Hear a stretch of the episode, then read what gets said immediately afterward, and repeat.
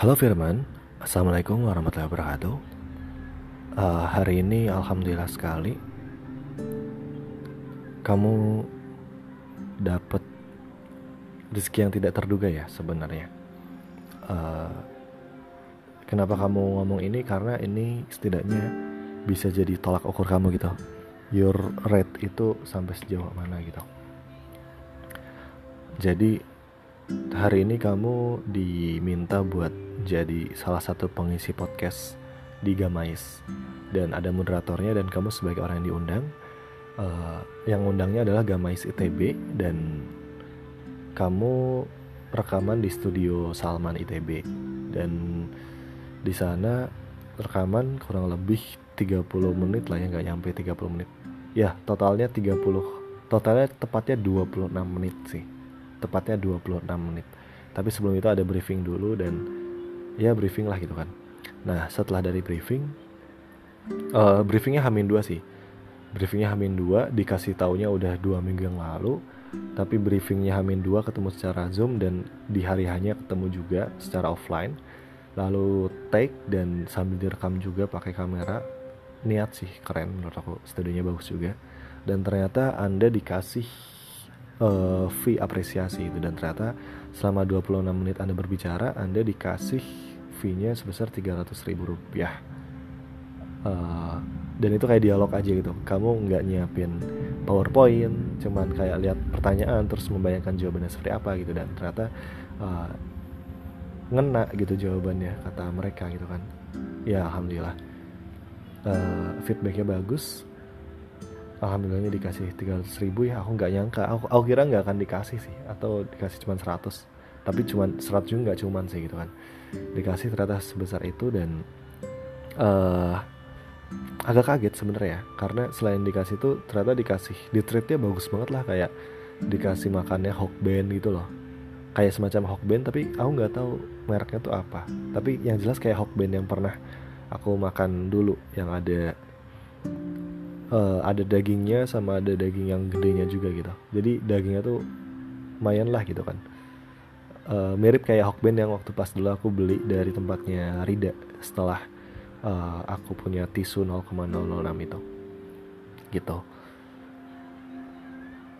Ya agak-agak nyangka ya karena ternyata ngomong cuma 26 menit dikasihnya segitu gitu kan. Uh, dikasih 300 ribu. Waktu pas dulu pernah juga konseling uh, konselingin orang uh, satu jaman lebih ya itu 300 ribu sih. Dan oke okay, jadi aku jadi tahu rate aku gitu tapi ternyata ada yang segini. Dan uh, terkait pembicara juga kadang ada yang bicara sekali bicara waktu itu pernah di 1,5 ya tapi tergantung acara juga. Jadi tergantung banget sama orang yang mengadakan acaranya itu gimana gitu. Ya sebenarnya nggak apa-apa sih. Uh, dapat penghasilan dari sini. Cuman pola pikirnya tetap sama ya bahwa ini tuh bukan sesuatu yang sifatnya konstan bukan sesuatu yang sifatnya pasti. Anggap ini sebagai ladang pahala. Kalau saya ternyata dapat uang ya alhamdulillah itu bonus. Tapi niatinnya ya niatin untuk bisa ngasih kebaikan aja gitu. Ladang uang kamu tetap di tempat yang kamu rencanakan di awal. Uh, ladang pahala kamu yang kayak gini-gini. Dan kalau saya ternyata di ladang pahala ada uangnya ya udah diterima. Tapi bukan berarti kamu nggak uh, akan mau menggarap ladang pahala ini kalau seandainya nggak ada uangnya. Gitu ya. Semoga bisa bermanfaat. Uh, selamat menjadi manusia yang lebih baik lagi. Tetap rendah hati dan tetap belajar karena ternyata kamu menyadari bahwa ternyata orang-orang tuh seingin itu gitu buat bisa ngobrol atau sekedar having talk bikin podcast atau chit chat gitu ternyata orang seingin itu agak kaget juga ya jadi ketika kamu ternyata sekarang nih ada orang ngajak ngobrol atau apa ya ya lakukan sebaik mungkin tapi uh, pastikan bahwa kamu tuh nggak nganggap bahwa obrolan kamu itu obrolan yang tidak bermakna gitu loh ingat bahwa kamu tuh Mr. on fire gitu Just remember that you are Mr. On Fire and you know that Mr. On Fire is someone that you want to be in the future di mana uh, Mr. On Fire ini benar-benar dalam kondisi yang sosok laki-laki gentleman, sosok laki-laki yang kuat, strong, uh, emosional stabil, mental stabil, keuangan sangat bagus, privasinya terjamin, terjaga, dan banyak melakukan kebaikan tapi nggak harus jadi orang yang terkenal gitu pokoknya hidupnya enak lah gitu kan kamu mau jadi Mr. On Fire itu kan jadi ya remember that you are Mr. On Fire kamu adalah Mr. On Fire dan berlakulah seperti halnya seorang Mr. On Fire kayak kamu penyayang kepada keluarga sangat-sangat penyayang sangat peduli pada keluarga kamu sangat-sangat mencintai keluarga dan ingat bahwa sekarang keluarga kamu ini adalah ibu, mama, adik, kakak gitu kan. Belum ada orang lain selain mereka di dalam keluarga kamu. Jadi if you think that you love someone, no that's not love. Itu kayak sekedar mungkin ketidakstabilan emosi masa muda aja gitu. Jadi uh, stay cool and remember that you are Mr. On Fire. That's all from us, from me. Terima kasih banyak Firman Islami. Semoga semakin baik lagi dan uh, awalnya kamu kan sempat ingin ngeblokir Rida ya karena karena kamu merasa supaya bisa benar-benar hah gitu benar-benar ikhlas atau benar-benar tidak memikirkan ini lagi gitu kan. Awalnya kan mau itu tapi kayak kayaknya nggak perlu deh. Maksudnya I think it's too over gitu. Kayak memang kamu nggak bisa ngatur diri itu ya sampai kamu harus ngeblokir dia. Nah gitu kan. Jadi ya oke okay, lanjutin aja apa yang kamu kerjakan sekarang dan kamu udah nggak main Instagram lagi uh, kamu lebih fokus dengan kegiatan-kegiatan yang jelas menghasilkan uang menghasilkan pembelajaran dan ya udah. You enjoy yourself sekarang. Agak susah dicari memang tapi eh, nggak uh, apa-apa kalau saya ternyata susah dicari. Yang penting bukan di sosial media tapi di di hidup nyatanya kayak gimana. Gitu kan ya udah gitu aja semoga bermanfaat uh, have a nice day have a great day semoga lancar semuanya kasih banyak. Assalamualaikum warahmatullahi wabarakatuh.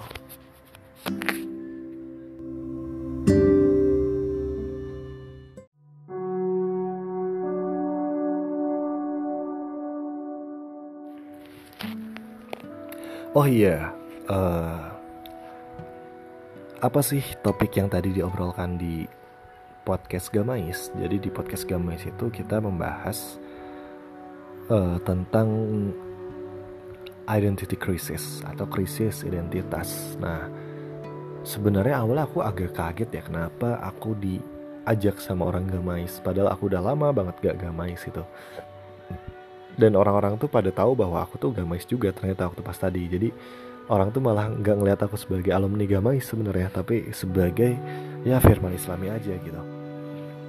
Dan uh, tentang krisis identitas, tentang membahas uh, tipe orang-orang yang boleh nggak sih kita kalau misalnya kita lagi mengalami krisis identitas kita nggak tahu mau ke mana kita nggak tahu harus ngikutin siapa ngikutin apa ada tren ini ikut ada tren itu itu ikut ikut juga gitu kan. Jadi kayak ke bawah arus apa sih yang harus kita lakukan gitu? Uh, itu yang tadi dibahas. Dan tadi isinya adalah aku bilang bahwa krisis identitas itu adalah sesuatu yang wajar dan aku bilang bahwa it's okay untuk merasakan krisis identitas selama krisis identitasnya masih berada dalam fase yang sehat. Contohnya gimana sih fase yang tidak sehat? Fase yang tidak sehat itu ya ketika kalau seandainya ada banyak hal ya kita ingin ikut semuanya. Kalau seandainya ada tren ini kita selalu ingin ikut. Ada tren itu kita selalu ingin ikut dan kita nggak paham kenapa kita ingin ikutin itu. Jadi krisis identitas ketika kita melakukan sesuatu tapi kita sendiri tidak tahu kenapa kita melakukan itu selain karena ikut-ikutan aja. Kurang lebih kayak gitu itu yang tidak sehat. Kalau seandainya yang uh, sehat krisis identitas oh ya yang tidak sehat lagi selain ngikut-ngikutin kita malah merasa nggak bisa ngikutin sama sekali. Jadi saking banyaknya saking bingungnya akhirnya malah nggak ke mana-mana gitu. Nggak ada yang kita ikutin satupun. Itu bisa jadi krisis identitas juga gitu ya. Jadi ekstrim banget nih. Bisa jadi ngikut banget kepada apa pun atau bisa jadi uh, tidak ikut sama sekali karena saking bingungnya gitu. Itu krisis identitas yang tidak sehat. Krisis identitas yang sehat gimana gitu kan? Krisis identitas yang sehat itu adalah kamu tahu nih core kamu tuh apa pusat kamu tuh apa? Yang menjadi nilai-nilai kamu value kamu yang nggak boleh kamu ilangin tuh apa? Kamu tahu. Sebagai contoh you're a muslim. Kamu seorang Islam gitu kan? Uh, kamu seorang Islam dan kamu tahu bahwa di Islam tuh ada aturan gini aturan gitu ada koridor ini koridor itu yang nggak boleh dilewatin. Dan jalan Islam tuh ke sini nih ada pagar yang di sebelah kanan ada bak ada pagar sebelah kiri ada pagar gitu kan? Dan arahnya ke arah surga ke arah sana gitu. Nah uh, dengan memahami bahwa oke okay, gue muslim nih gue Islam nih ada kewajiban ini ada hal haram ini ada hal yang halalnya ini. Kamu berarti udah tahu nih tentang core-nya gitu. Nah selanjutnya gimana? Uh, itu ketika kita sudah tahu core ya kita bisa dibilang bahwa kita memiliki kesehatan dalam uh, identitas. Kita perlu tetap walaupun kita udah di situ tapi kita perlu merasa uh, memiliki krisis identitas juga tapi krisis identitas yang sehat Maksudnya gimana sih? Jadi gini, krisis identitas yang sehat adalah kondisi di mana kita ini udah tahu arah hidup kita, tapi kita masih masih belum tahu nih jalan yang terbaiknya apa, gitu. Kita udah tahu nih, pingin jadi orang yang baik, bermanfaat, lala, ye, ye, tidak tidak melanggar hukum, tidak melanggar uh, hukum Allah dan sebagainya gitu. Kita udah tahu, tapi kita nggak tahu nih jalan tercepat atau jalan terbaiknya apa. Nah itu udah berada dalam krisis identitas yang sehat. Jadi Kenapa sih kita harus memiliki rasa krisis identitas yang sehat? Nggak boleh tidak punya rasa krisis identitas sama sekali. Karena krisis identitas yang sehat ini membuat kita curious, membuat kita penasaran untuk belajar hal baru, untuk senantiasa mencari. Kalau seandainya kita merasa punya krisis identitas yang sehat, kita akan merasa kayak ini kira-kira apa lagi ya yang bisa kita lakuin biar ini makin baik. Nah, kita tuh selalu bertanya kayak gitu kira-kira nih aku aku udah punya job ini nih tapi biar bisa makin bagus kira-kira harus ngapain ya? Kalau aku udah punya jenjang karir ini aku udah punya masuk jurusan ini tapi gimana ya biar aku makin bagus ininya? Kira-kira jurusan ini tuh uh, aku masukin ke yang mana gitu? Aku integrasikan dengan ilmu yang mana gitu? Nah itu bisa. Krisis identitas yang sehat. Tapi ya bentar lagi pak. Nah tapi uh, kalau seandainya kita nggak punya perasaan krisis identitas sama sekali, jadi kita merasa yakin nih identitas gue tuh kayak gini gitu kan. Nah, ini yang bahaya. Bahayanya apa? Bahayanya adalah kita jadi orang yang tidak mau belajar lagi. Kita merasa jadi orang yang sudah hebat, orang yang pintar, menjadi orang fix mindset yang merasa bahwa ya gue mah gini, gue mah orang matematika jadi gini, gue gue orangnya kayak gini, jadi ya udah gitu. Nah, itu bisa jadi termasuk ke krisis identitas juga tapi yang sampai di titik ekstrimnya. Jadi merasa udah nggak krisis lagi nih. Aku udah pakem nih identitas kita. Nah itu bukan hal yang baik. Justru kita tuh harus merasa punya krisis identitas tapi krisis identitas yang sehat. Kalau saya kita tidak pernah punya perasaan kayak gitu ya itu harus dipertanyakan. Bisa jadi kita malah tumbuh jadi orang yang udah merasa cukup tidak perlu belajar lagi dan akhirnya malah sombong takabur dan akhirnya kita baru tahu bahwa oh ternyata kita tuh sebodoh itu gitu. Tertampar oleh keadaan nantinya dan malah depresi. Gitu ya jadi apa sih kuncinya buat teman-teman semua? Jadi aku kasihnya yang satu pahami core. Kedua terima bahwa kita ini masih belum ideal masih berada di titik yang belum kita inginkan menerima itu ya. Yang satu pahami kedua menerima. Yang ketiga adalah belajar ya maksudnya trial and error. Nyoba-nyoba mana sih yang paling bagus dan sebagainya. Jadi itu hal yang wajar hal yang boleh hal yang memang harus dilakukan kalau seandainya nggak dilakukan ya kita berarti nggak mau belajar gitu kan. Jadi poin ketiga itu belajar ya. Poin keempat adalah kontrol. Nah kontrol ini adalah kita mengontrol kita ingat bahwa kita pun dikendalikan oleh Tuhan dan kita dibisahkan oleh Tuhan. Kalau bukan Tuhan yang membisahkan kita maka kita nggak akan bisa apa-apa gitu. Jadi kita ada proses kontrol di sana. Kita ingat sama kenapa kita bisa di kayak gini kan dan kita ingat bahwa yang membisarkan kita tuh adalah Tuhan gitu. Itu kontrolnya. Dan semoga kita bisa senantiasa merasa memiliki krisis identitas di taraf yang benar-benar sehat. Gitu. Simpulannya silahkan teman-teman.